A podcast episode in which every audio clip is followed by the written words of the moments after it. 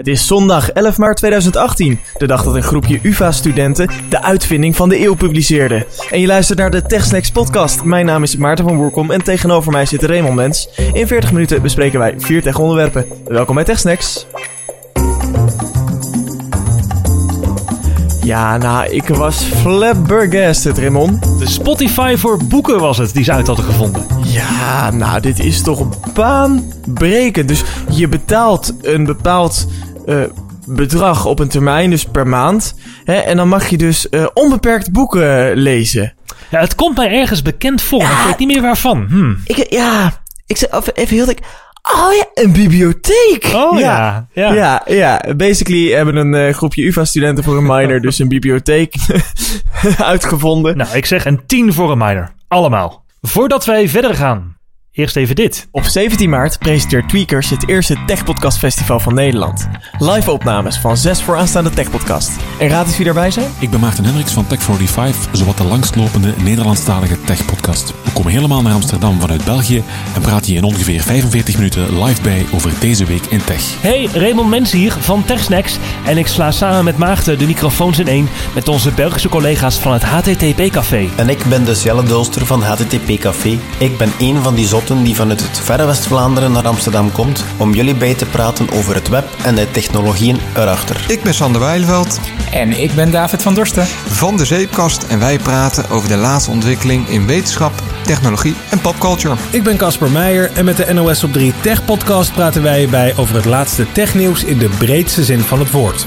We sluiten de dag af met een opname van Met Nerds om tafel. En we zijn er alle vijf. Daniel Kegel, Floris Diemel, Joost Schellevis en Jurian Ubachs. Mijn naam is Randal Pelen en ik kijk vooral uit naar de borrel. Want we zorgen natuurlijk voor voldoende spaarrood. Hallo, ik ben Wout van Tweakers. Als jij het leuk vindt om hierbij te zijn, ga dan nu naar tweakers.net slash acties slash techpodcastfestival om kaarten te kopen. Dan zien we jou bij ons op kantoor in Amsterdam-Noord op 17 maart. Het Tech Podcast Festival op het hoofdkantoor van Tweakers in Amsterdam-Noord. En er was enige onduidelijkheid. Wij hadden er ook uh, feedback van luisteraar over gekregen. Of parkeren nou gratis was of niet. Want ik had gezegd, dom, parkeren gratis voor de deur. Maar dat blijkt niet helemaal zo te zijn. Nou ja, als jij naar het Tech Podcast Festival komt, dan uh, is parkeren gratis. Alleen ben je daar gewoon bij familie op bezoek in de wijk dan moet je wel betalen. Maar Tweakers beschikt over uh, parkeergelegenheid. En dat is voor jou als bezoeker van het Tech Podcast Festival is dat gratis. Nou, je hebt dus al die namen gehoord. We hebben het de eerdere podcast hebben we het er ook al over gehad. Er zijn al best wat kaarten verkocht. Er zijn ook wat kaarten weggegeven. maar ze zijn nog beschikbaar. Dus ga heel snel naar tweakers.net slash acties slash Tech Podcast Festival. En pak daar die kaarten. En dan zien we je volgende week in Amsterdam. Lijkt me tof. Ja, lijkt me heel tof. hey, wat, wat verdere follow-up. We hebben best een lijstje. Um, de HomePod. We hebben best een lijstje. We zijn helemaal niet zo van de follow-up, maar ik moet het toch even over de HomePod hebben. Vorige aflevering had ik uh, twee weken met de HomePod doorgebracht. En nou, mijn ervaringen zijn grotendeels hetzelfde gebleven. Ik heb wel twee uh, kleine dingetjes die niet helemaal zo lekker gaan.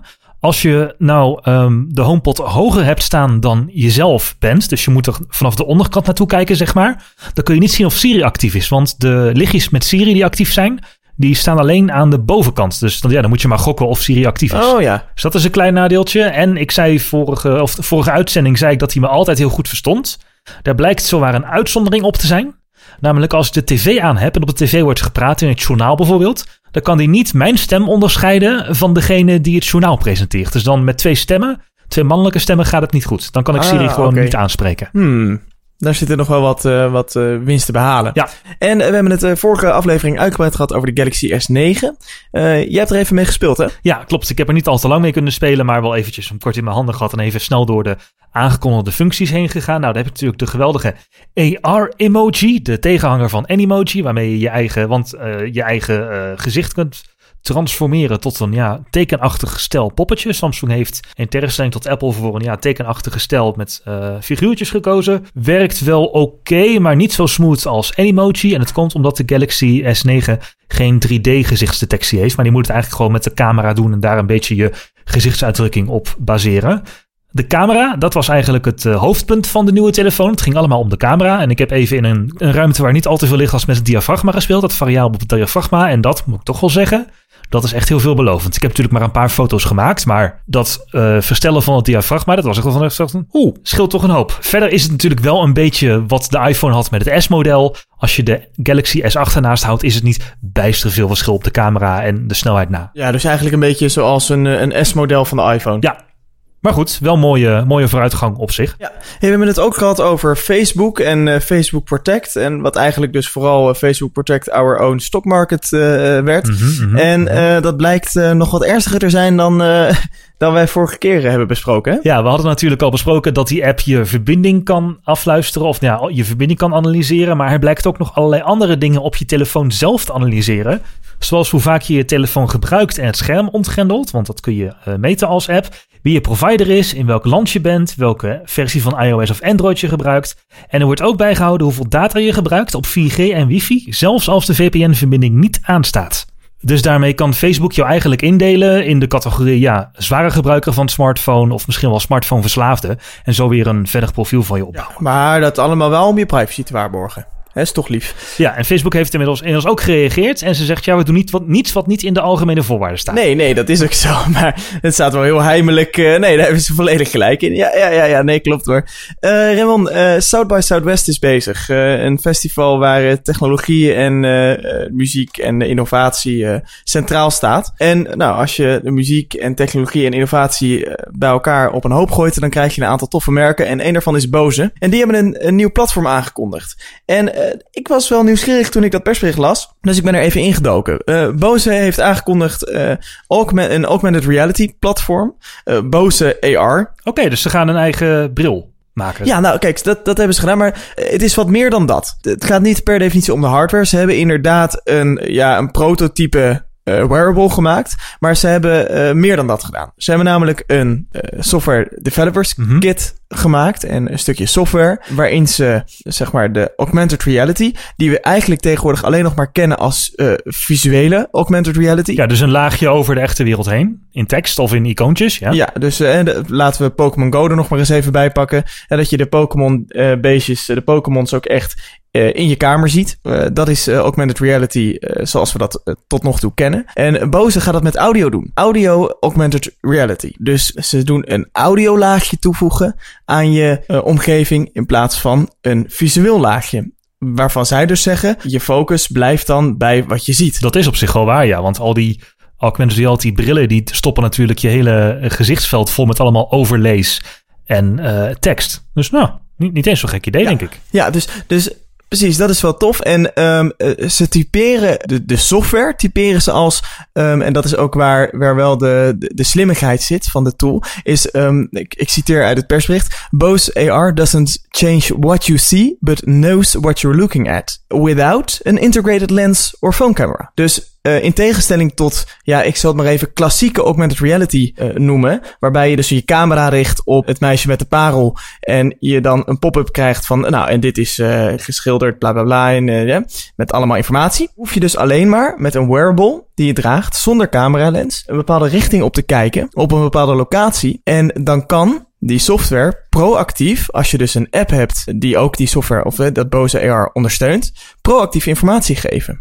Dus in essentie heb je drie dingen nodig. Je hebt nodig een, een wearable met bewegingssensoren, een telefoon met GPS. En ik denk ook de, de aanvullende locatie uh, tools zoals wifi en bluetooth die uh, bijvoorbeeld op je iPhone gebruikt worden om je locatie te, te, goed te peilen. Ja, en de wearables zullen we een gyroscoop hebben of zo? Ja, dat uh, precies. Een wearable met bewegingssensoren, maar ook dat hebben al veel, veel wearables hebben dat wel, om een stap te tellen of dat soort ja, dingen. Ja, ja. Um, dus je telefoon voor je locatie en een app die dat uh, Bose Ondersteunt. Uh, dan moet je dus denken aan apps over sport. Uh, de sportapps als Strava. je moet denken aan re ja, reisapps. TripAdvisor, maar ook audio-apps als TuneIn. En dat is waar het verhaal voor mij een beetje vaag wordt. Want eh, het idee dat je dus door een stad loopt en uh, je krijgt uh, proactief informatie vanuit je wearable over wat je ziet, vind ik een heel tof idee. En uh, ze hebben dan, zoals ik al zei, een prototype wearable gebouwd, een bril. Ze noemen het zelf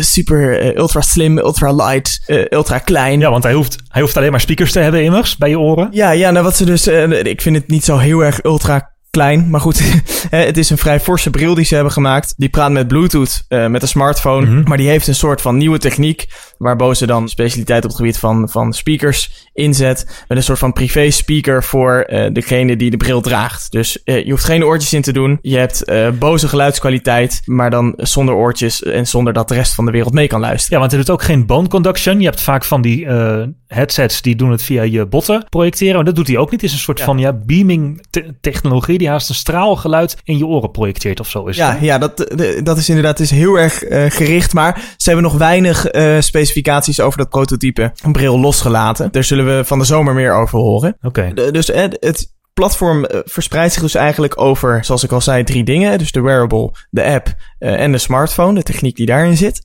Uh, dus dat heb je wel allemaal nodig. En dan wordt het voor mij een beetje vaag op het moment dat ze zeggen van... je kan het ook met bijvoorbeeld Siri of Google Assistant gebruiken. En dan denk ik, ja, maar gaan we dan niet van een slim proactief augmented reality platform naar gewoon een wearable met een hippe speaker en een hip microfoontje. Ja, het is een beetje de vraag waar ligt de grens? Hè? Want volgens mij willen zij audio AR als soort van ja, haast proactieve city guide die het dingen vertelt inzetten dan. Ja, of die dingen vertaalt voor je bijvoorbeeld. En zeggen ze ook iets over games? Nee, nee daar hebben ze eigenlijk uh, weinig over gezegd. Waar ze, waar ze op inzetten is, ze willen dit als uh, een assistent, als een toegevoegde waarde in het dagelijks leven inzetten.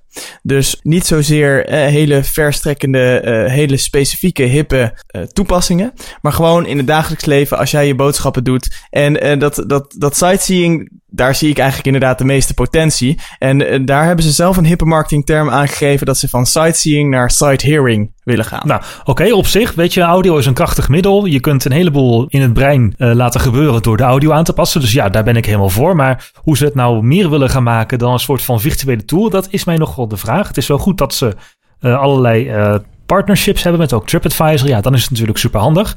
En ik kan me ook voorstellen, als jij in een supermarkt loopt bijvoorbeeld, dat je dan je luistert dan vaak toch naar muziek. Dus misschien kan het dan wel handig zijn om aanbiedingen te noemen terwijl jij langs een rek loopt of zo. Ik noem maar iets. Ja, nou, ik denk dat, dat een deel van de potentie van Bose AR wordt ook duidelijk op het moment dat developers ermee aan de slag gaan. Want um, deze zomer komt dus een SDK beschikbaar. Mhm. Mm -hmm. uh, dat prototype van die bril die wordt iets verder uitgewerkt en die wordt ook beschikbaar voor een select aantal uh, developers. En dus het, het, er ligt echt wel een, een hele grote uh, bal nu voor de voeten van de developers om hier wat succesvols van te maken. Ja, en om dit misschien een platform te laten zijn wat later ook andere fabrikanten zoals Apple met de AirPods kan inspireren. En ik moet zeggen dat ik het idee van door een museum lopen, nou je hebt natuurlijk die audio guides al, maar dan proactief zonder dat ik daarover na hoef te denken, afhankelijk van naar welke schilderij ik kijk, dat ik direct zonder dat ik er ook maar iets voor hoef te doen, de juiste informatie over krijg, vind ik een hele aantrekkelijke gedachte. Vind ik een heel tof idee. Ja, nou ja, weet je, en het, wat ik ook wel zie, is dat heel veel mensen tegenwoordig, die hebben toch altijd hoofdtelefoon op of earpods. En je hoeft maar over straat of op een station te lopen. En je ziet eigenlijk altijd mensen die earpods of een hoofdtelefoon op ja, hebben. En de rest van je beeld hou je dan dus helemaal vrij. Hè? In tegenstelling tot uh, augmented reality, ja. waarbij je een visuele laag daaroverheen Dus hebt. daarmee doen we eigenlijk visueel een stapje terug, waardoor het niet echt voor gaming geschikt kan zijn. Nou ja,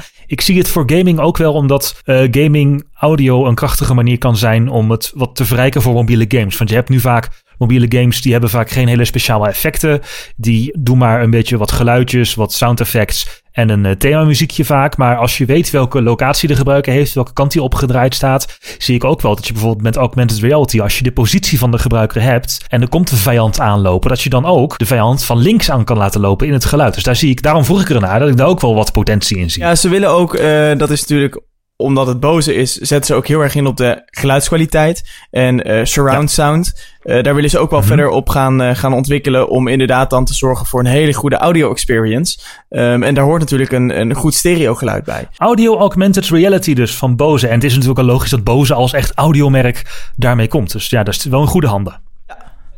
Ja, ze zijn de eerste, ja. dus uh, dat hebben ze inderdaad uh, goed gedaan. We zullen de foto's en uh, wat, wat URL's zullen we even toevoegen in de show notes hiervan. Ja, dat was het eerste onderwerp. En het is natuurlijk de week van, ja, het begin van het jaar is altijd het jaar van de, de, de maanden van de festivals. Want we hebben dan nu South by Southwest, maar het Mobile World Congress is ook net achter de rug. En daar was eigenlijk wel een duidelijke trend te zien. Dat het standaard smartphone scherm, wat we eigenlijk de alle jaren hebben gekend van 16 bij 9 verhouding is compleet uit de mode. Dat kan echt niet meer anno 2018. Nee, we moeten uh, schermen van 18 of 19 bij 9 hebben, dus even breed. maar wel hogere. Dus ook wat de iPhone 10 en de Galaxy S8 en Galaxy S9 hebben. En Samsung was daar natuurlijk trendsetter. En daarna volgde de iPhone 10. Maar nu zijn ook allerlei Chinese fabrikanten bijvoorbeeld overgegaan op dat schermformaat. Waarmee je dus meer ruimte boven en onder hebt, maar een even breed scherm. En daarmee komt ook het verlangen naar een heel groot scherm weer boven en een edge-to-edge scherm. En daardoor noem ik Mobile World Congress eigenlijk maar het festival van de notch. Ja, want uh, alle fabrikanten doen ontzettend uh, hun best om het noodzakelijk kwaad van een luidsprekertje uh, weg te werken op die telefoons. Ja, of nou ja, in ieder geval te zorgen dat het een groter scherm niet in de weg zit. En natuurlijk waren het eerst Chinese merken die Apple gingen kopiëren, maar ook serieuze merken zoals LG, Huawei en Asus, die zijn nu allemaal een beetje over op een edge-to-edge display en die willen ook een notch. En Samsung is eigenlijk daar de enige uitzondering op. En daar, die hadden wel een uh, grappig uh, speldenprikje uitgedeeld naar Apple tijdens de presentatie van de Galaxy S9. En dat klonk zo. We've created a design so sleek and unified you can hardly tell where the screen ends. And as always, you know, there's no notch. We've also refined the back of the phone. And it's as beautiful as the front. So take the fingerprint scanner, for example, which we all know is one of the most popular ways that we like to unlock our phones. Which is why we didn't get rid of it. Ja, het lullige is wel een beetje dat niemand klapt op het moment dat ze horen te klappen voor het grapje. Maar goed, dat altijd een beetje lullig bij die, uh, bij die Samsung Ach, ja. events. Nee, maar we kunnen even kijken. Hè. Die notch die is misschien wel noodzakelijk. Maar welk probleem proberen ze nou mee op te lossen, die fabrikanten? Nou, je hebt natuurlijk inderdaad die bezels die steeds dunner moeten worden. Maar er moet ook een vingerafdrukscanner blijven zitten. Er moet een frontcamera blijven zijn. En er moet ook nog een speaker te zijn. Mensen willen misschien ook nog wel eens met een telefoon bellen. Ja, ja dat is wel een dingetje. Nee, dus um, er zitten gewoon een aantal uh, beperkingen uh, aan wat er tegenwoordig in een scherm verwerkt kan worden. En uh, ja, zeg maar, het noodzakelijke resultaat daarvan is dus een notch. Nou ja, daar heb je dus, je hebt dus inderdaad de fabrikanten op Mobile World Congress die dat ook deden. Die zeiden van ja, dan maar een notch. Maar je had ook de fabrikanten zoals Samsung en die zeiden van nee, dan maken we de randen wel dun, maar niet zo dun dat het niet meer past. En de vingerafdrukscanner die doen we wel naar de achterkant. Uh, maar wat mij opviel, is dat geen enkele fabrikant de vingerafdrukscanner nog in het scherm heeft geïntegreerd. Dat zagen we niet dit jaar. Maar eh, volgens mij is dat dus ook nog techniek die niet voldoende is uitontwikkeld. Nee, ja, dat is wel zo, inderdaad. Ik heb het even opgezocht. Uh, Synaptics is een fabrikant van onder andere uh, gezichtsdetectie. Uh, systemen, maar ook ze waren ook de eerste, of een van de eerste met een vingerafdrukscanner. En die heeft nu wel zo'n sensor gemaakt. En die heet dan Clear ID. En die zit nu in maar liefst één telefoon. Okay. Van Vivo in de Vivo X20 Plus UHD. die hebben ze hem erin gestopt. Ja, ja. En uh, YouTuber Marcus Brownie, MKBHD, die heeft er al even mee gespeeld. En ik heb zijn video even bekeken. En daarin blijkt dat het al wel aardig werkt. Maar de sensor zit niet echt in het scherm. Hij zit meer onder het scherm. En hij kijkt als het ware door het scherm naar je vinger. En daardoor uh, heeft hij ook wel wat beperkingen die vingerafdrukscanner in het scherm. Het moet bijvoorbeeld een OLED-scherm zijn, want hij moet door pixels heen kunnen kijken die niet aanstaan. Nou, dat lijkt me logisch. En wat ook een nadeel is, is dat je hem een klein beetje ziet door het scherm als het uitstaat. Oh ja. Um, dus hij schijnt, ja, als je je vinger op, die, op dat oppervlakte waar de scanner zit legt, dan gaat er als het ware een klein lampje op jouw vinger heel snel flitsend scannen. En daardoor kan die scanner door het glas van het scherm jouw vingerafdruk lezen. En is dat dan uh, veel langzamer ook dan de Touch ID of de vingerafdrukscanner zoals we die nu kennen? Het schijnt dus uh, volgens de enige die het nu ongeveer geprobeerd heeft, uh, MKBHD, ja.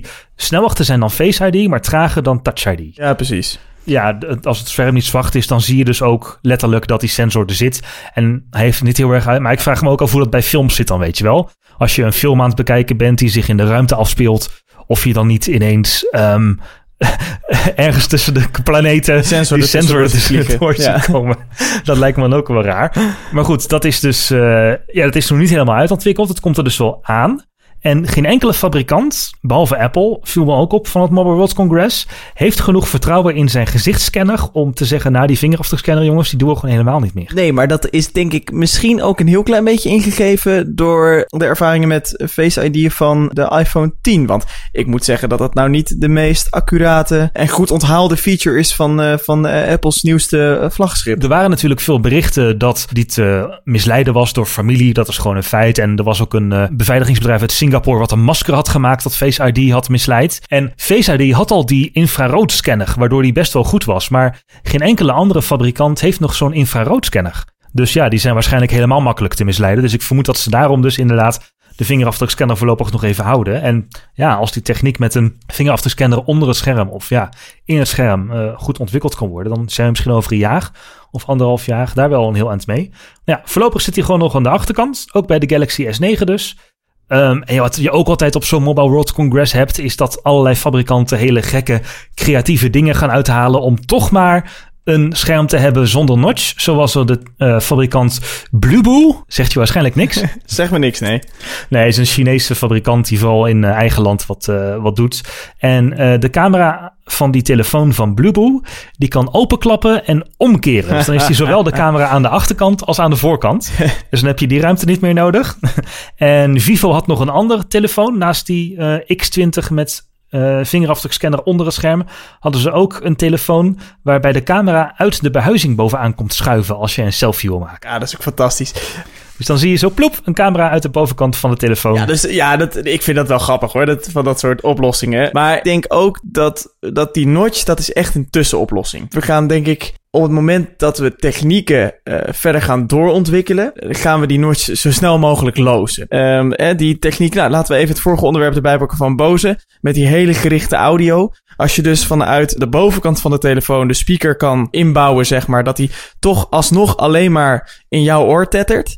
Uh, in plaats van naar de rest van de wereld. Um, als je die camera netjes kan wegwerken in het scherm, dan denk ik dat we zo snel mogelijk die, die notch niet meer gaan zien. Want ja, het is gewoon esthetisch niet heel mooi. Ja, en ik vraag me ook af, hoe lang duurt het nog voordat inderdaad je hele scherm misschien een speaker is? Want een scherm kan best wel wat trillen. En misschien is het ook wel mogelijk om een, op termijn een camera gewoon, die gewoon prima selfies maakt, gewoon achter het scherm te stoppen.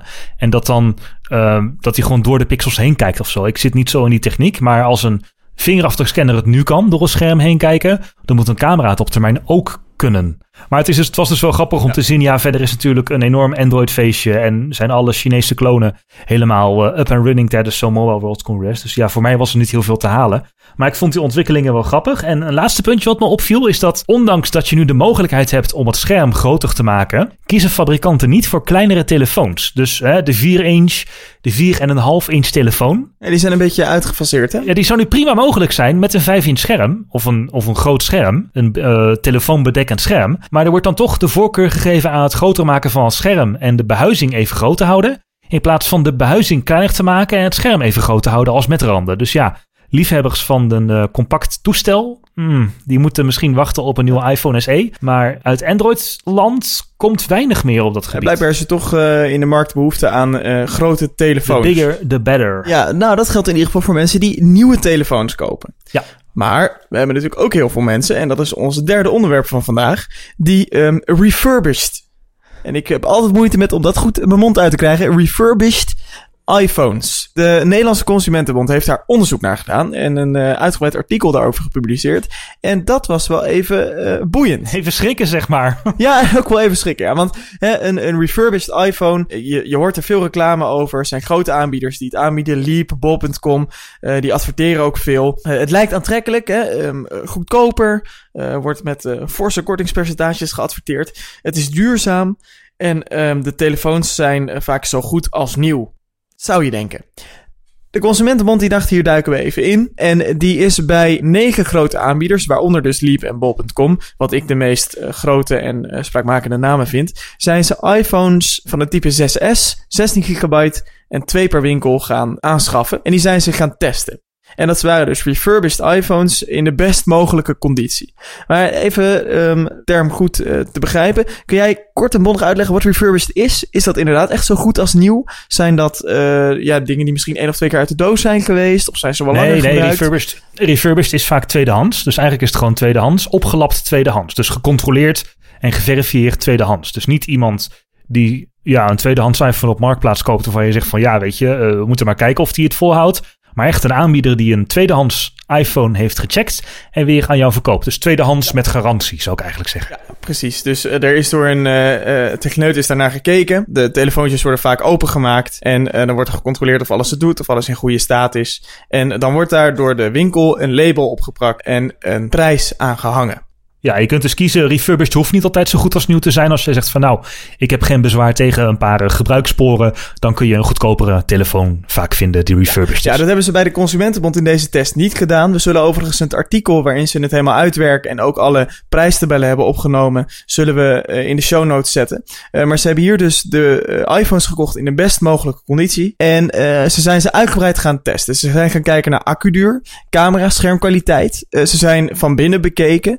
De staat van de dock connector is eh, bekeken, dus waar je je oplaadkabel in doet. Het moederbord is gecontroleerd. Er is gekeken naar slijtage en vel. Eh, de accu is doorgemeten. En eh, bij de accessoires is, is gekeken of ze overeenkomen met die van een nieuw toestel. Dus zitten er originele accessoires bij. Iets wat in alle safety instructions van Apple staat. Dat je de originele laadkabels moet gebruiken en de originele USB-chargers. Om eventueel, die, die, die spookverhalen ken je ook wel. Laatst nog in het nieuws geweest weer. Brand! Ja, precies. Dat fake spullen uh, nogal brandgevaarlijk zijn, fake opladers. En ze hebben een nieuwe iPhone ernaast gehouden, een nieuwe iPhone 6s 16 gig als uh, referentie. Ja. En uh, nou, daar, daar zijn ze dus uitgebreid mee bezig geweest. En de bevindingen, die waren nogal schokkend. Allereerst zijn ze eens even bij het aanschaffen van die dingen naar de prijs gaan kijken. En er wordt er dan echt geadverteerd met, met ja, aanbiedingen van 44% korting of, of misschien nog wel meer. Maar ze kwamen erop uit dat ze gemiddeld 17% goedkoper uit waren dan dat je het toestel, de 6S, nu op dit moment nieuw zou kopen. En daar zit het hem, hè? Nu, op dit moment. Exact. Dat is ongeveer 72 euro verschil. Eh, nog steeds een, een fors, eh, dus best wat geld. Maar geen, geen 44% Het is 44% in vergelijking met de prijs van de iPhone 6S toen die net gereleased was. Dus in 2015, ja. En toestellen dalen vaak in prijs. Dus je kunt nu prima een nieuwe iPhone 6S kopen. Maar dan kost hij niet meer waar Apple al nooit voor verkocht. Nee. En uh, hou dus in gedachten dat je dus een tweedehands toestel koopt voor maar 17% minder. Ja. Maak je toch wel aan het denken van en, uh, met, met een goede aanbieding in de winkel, waar ze wat extra korting her en der geven, dan uh, kom je ook wel aan zo'n percentage. Slecht begin. Ja, geen goed begin. Maar misschien, hè, misschien zijn die toestellen nog wel goed. Nou, ze zijn af, allereerst even gaan kijken naar die accu. Want nou, we hebben het er laatst ook over gehad accu's zijn gewoon uh, ja, van vitaal belang voor je telefoon. En uh, hoe verhouden die accucapaciteit zich, hoe verhoudt die accucapaciteit zich tot de nieuwe uh, iPhone? Wat bleek nou? Gemiddeld 87% capaciteit in vergelijking met de nieuwe. Dus geen nieuwe accu. Die accu is dus niet vervangen bij het openmaken door de leverancier en het nakijken door de leverancier. Het is gewoon gekeken of hij het nog deed. Maar je hebt dus geen volledig goed functionerende accu. Die is gewoon al wat aan het inleveren. Ja, omdat hij natuurlijk eerder is gebruikt en het tweedehands toestel is. En je moet je even bedenken, waar we het in de vorige aflevering hebben gehad. Bij 80% gaat je iPhone throttelen, dus de snelheid terugnemen. Uh, ja. Dus binnen een jaar ben jij daar gegarandeerd tegenaan gelopen. Als jij zo'n refurbished iPhone koopt, ja. Je iPhone al minder snel en werkt die minder goed. Dat vond ik wel opmerkelijk, dat ze dus geen nieuwe accu's erin stoppen. Ik had verwacht van, nou weet je wel, een accu, wat kost dat nou? Twee tientjes vrij simpele uh, om te vervangen. Ja, maar ze stoppen dus geen, niet altijd een nieuwe accu erin. Nee, nee zeker niet. Uh, dat zit niet eens standaard erin. Dat wordt echt gedaan als de accu echt niet meer goed functioneert. Uh, maar daar zijn de bedrijven niet heel transparant in. Ook de accessoires zijn dus bekeken. Hè? En wat bleek nou? Dat bij de toestellen waar accessoires waren meegeleverd, daar stonden afwijkende teksten en afwijkende logo's op. Dus uh, bij niet alles werd een origineel Apple accessoire meegeleverd.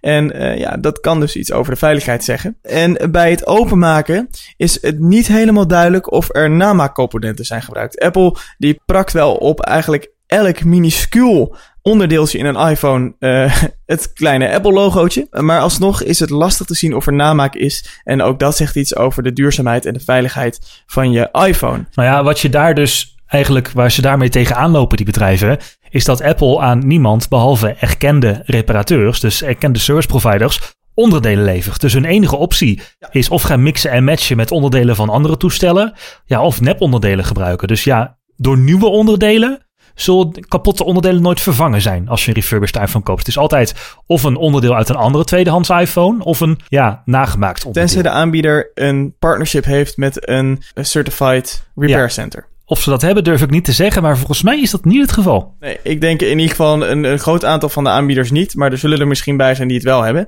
Um, maar de Consumentenbond kon niets anders concluderen dan dat het kopen van een refurbished iPhone echt een gok is. Dus uh, je kan het beter niet doen. Daar komt het eigenlijk op neer. Want je weet niet wat je koopt. Er wordt een hele schijn opgehouden van uh, het is gecontroleerd, het is goed. Er wordt nog wel eens garantie opgegeven van enkele maanden. Maar eigenlijk heb je geen flauw benul in welke staat je je telefoon koopt. En maakt het dus niet uit of je hem uh, van bob.com of van Leap koopt. Of dat je hem van Marktplaats haalt. Nee, dat vond ik ook wel grappig inderdaad. In die test, daar was elke aanbieder had twee toestellen geleverd. En één aanbieder kon dan zowel uit de test komen als geweldig toptoestel. Goede accu, uh, weinig cosmetische schade. Maar het andere toestel van dezelfde aanbieder was dan weer een hele slechte koop volgens de Consumentenbond. Dus die aanbieders lijken zelf ook niet al te ja, strak op hun proces te zitten om dat zo goed als nieuw ook echt binnen de perken van zo goed als nieuw te houden. in ieder geval uh, niet zo heel erg kritisch naar uh, het eindproduct dat ze uitleveren naar de klant. Ik ben wel benieuwd of wij luisteraars hebben die een refurbished telefoon gebruiken. Maakt me niet zoveel uit of het nou een iPhone is of van, van een ander merk. Um, laat dat even weten via uh. Zie je rechtsboven kun je reageren op de uitzending aanklikken en dan kun je die reactie naar ons insturen. Zijn we erg benieuwd naar. En als we dan een stukje advies mogen geven, dan zou ik zeggen Doe het niet. Koop geen refurbished iPhone. Als je dan toch een tweedehands toestel wil, ga dan op Marktplaats kijken of op een andere koop- en verkoopsite. Daar kun je vaak goedkoper dan bij een refurbished aanbieder, want die vragen best wat extra's. Ja. Tegenover particuliere aanbieders. Daar gewoon, ja, dan gok je net zo hard. Ja. Dan heb je misschien geen drie maanden garantie, maar in geval van bijvoorbeeld die accu, die op 78% zegt, ja, daar kom je binnen drie maanden ook niet aan de 80% en trotteling. Dus ja, na een jaar heb je daar ook niks mee. En je krijgt dus voor die uh, forse meerprijs van een refurbished toestel, krijg je uh, eigenlijk niks meer ten opzichte van een telefoontje van Marktplaats. Nee, nu geldt dat niet voor alle producten die refurbished zijn. Ik maak zelf bij mijn hobby, uh, de lokale omroep, veel gebruik van refurbished computers. En computeronderdelen zijn iets fundamenteel anders. Die zijn genoeg beschikbaar. Daar kun je er honderdduizenden van vinden, ook na de jaren van productie nog. En een computer is iets wat je vrij makkelijk in elkaar kunt klikken. Maar een iPhone is van binnen zo compact en micro en ja, alles is eigenlijk ook vaak aan elkaar gelijmd, dat je dat moeilijk kunt vervangen. Ja, want dat merkt de Consumentenbond ook nog op, is dat eigenlijk uh, bij elke nieuwe iPhone het Apple het weer een stap complexer maakt om de iPhone te repareren. Ja, dus je zou op termijn zeggen dat die refurbished aanbieders op een gegeven moment ook niets meer kunnen zijn. Zeker met uh, eisen die aan Face ID worden gesteld als de iPhone 10 straks refurbished moet worden. Ja, die gezichtscanner, die kun je bijna niet repareren, weet je wel. Dat is bijna niet te doen. Dus die refurbished aanbieders worden op een gegeven moment ook alleen maar ja, soort van middleman die tweedehands toestellen een doekje erover kan halen, misschien de accu kan vervangen, maar meer reparaties vaak ook niet echt kan uitvoeren. Nee, precies. Dus uh, wees op je hoede bij het aanschaffen van een refurbished iPhone en doe het bij voorkeur niet. Tot zover een mooi stukje advies van ons. Um, uh, waar we ook over vertellen, en dat hebben we, uh, is, is ja, uh, de nieuwste technieken en de nieuwste, het, het, nieuwste technisch vernuft. En jij hebt dat de afgelopen afleveringen, um, nou, in goede hapklare Jippe Janneke taal, heb je dat kunnen presenteren. En daar hebben we leuke gesprekken over gevoerd. En dat is ook goed ontvangen door onze luisteraars. Daar zijn we heel erg blij mee. Er zijn toffe reacties op binnengekomen. En laat dat ook vooral weten als je dus iets vindt van de podcast. Want we doen dat vooral omdat we het zelf heel leuk vinden om op te nemen, maar ook wel voor jullie. Dus laat weten wat je van de podcast vindt. Vinden we altijd leuk. En als je dus het tof vindt om te horen over de nieuwste uh, technologische innovaties, uh, volgende week op het podcastfestival uh, van Tweakers, uh, waar we dus gaan opnemen met de vrienden van HTTP Café, goede webdevelopers uit België. Dan gaan we het nog veel meer hebben over uh, de technieken achter het web. En dat proberen we ook um, zo begrijpelijk mogelijk voor jullie te gaan presenteren. Dus kom gewoon bij die opname kijken. Dat is helemaal tof. Dan kun je dus kaarten kopen, zoals we eerder zeiden. En anders moet je die aflevering gewoon even terugluisteren, want het wordt een, ja, een toffe aflevering met veel informatie over de nieuwste technologieën achter het web waar we het nu over gaan hebben, heeft ook iets met het web te maken, maar dan vooral hoe we ermee praten en hoe veilig we dat kunnen doen. Want better safe than sorry. We worden steeds afhankelijker van wifi en dat, dat willen we allemaal wel beveiligd doen. Vorige keer hebben we het over 5G gehad en hoe we dan buiten zeg maar internet, binnen doen we dat natuurlijk met wifi. En dat beveiligen we met WPA en dat beveiligen we met WPA 2. En dat is eigenlijk best wel oud. Ja, WPA 2 is nu eigenlijk de de facto standaard die iedere router gebruikt. Maar het protocol komt dus uit 2006. Het is nu 2018. Dus 12 jaar gebruiken we eigenlijk al min of meer dezelfde beveiliging voor onze wifi-netwerken. En die is best wel goed. Hij is nog steeds niet gekraakt, WPA 2, maar ook lang niet meer optimaal. En hij voldoet eigenlijk niet meer aan de eisen die we in 2018 aan wifi stellen. Dus daarom is WPA 3 bedacht. En dat komt uh, eind dit jaar in de eerste routers moet het zitten.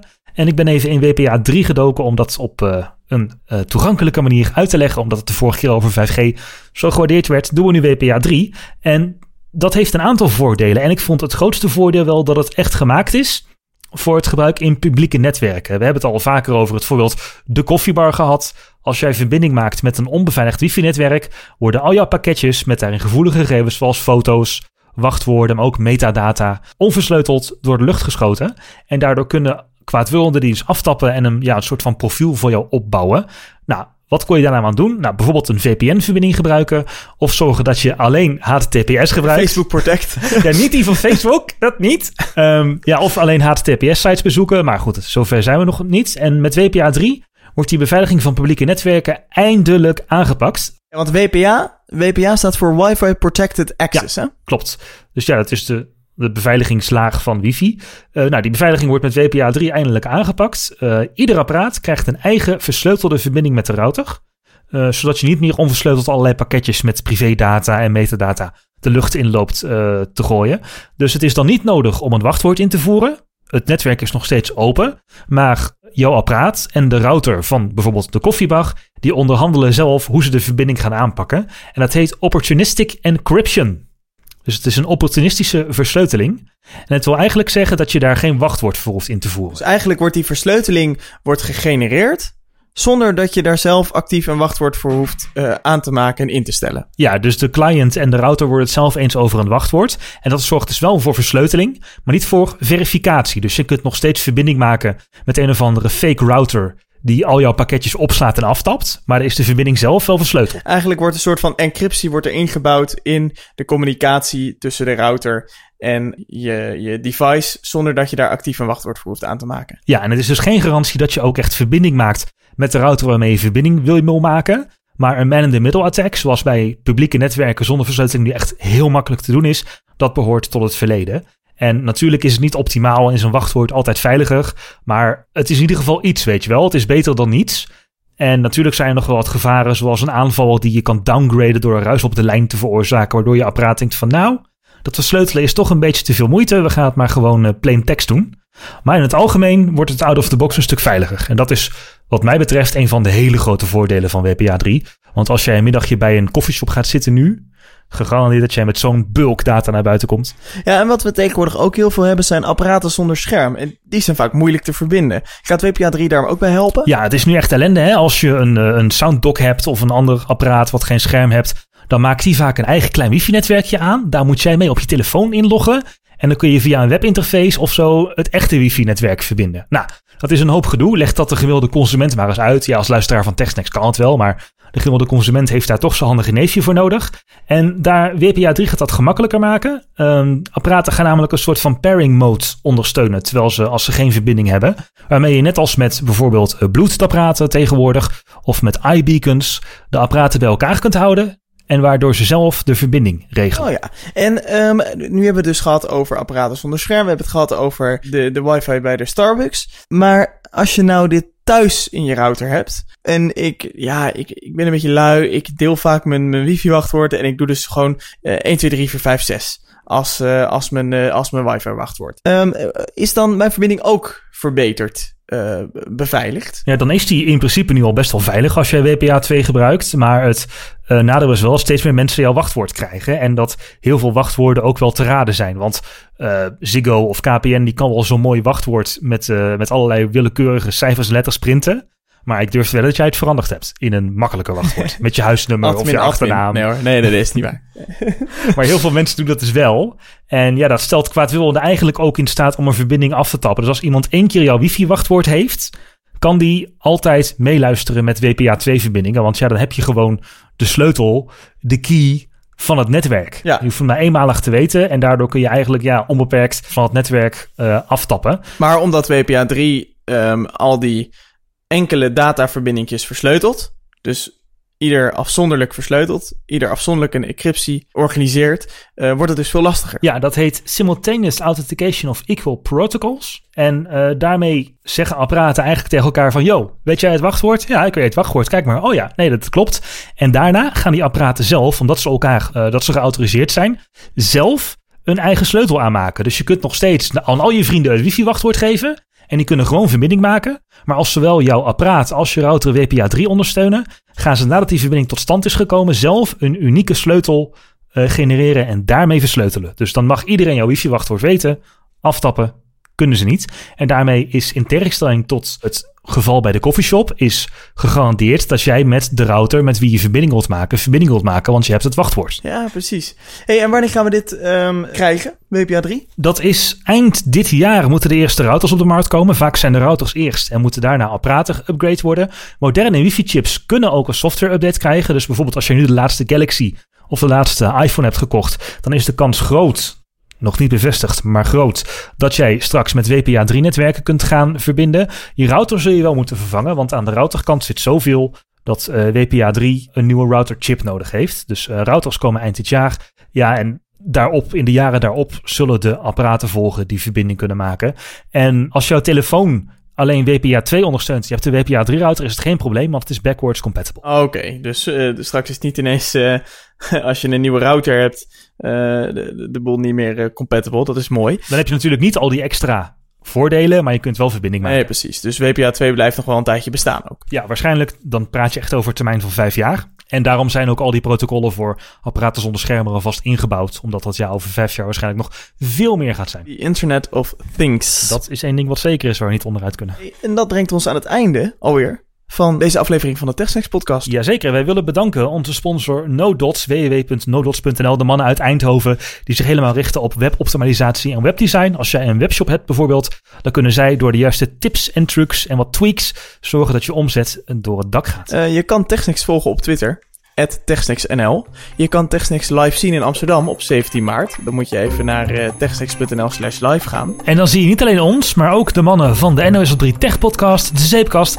het HTTP Café en natuurlijk ook Tech45 en met nuchts om tafel. Die zijn er ook. Wordt een leuke dag. Bedankt voor het luisteren. Tot dan.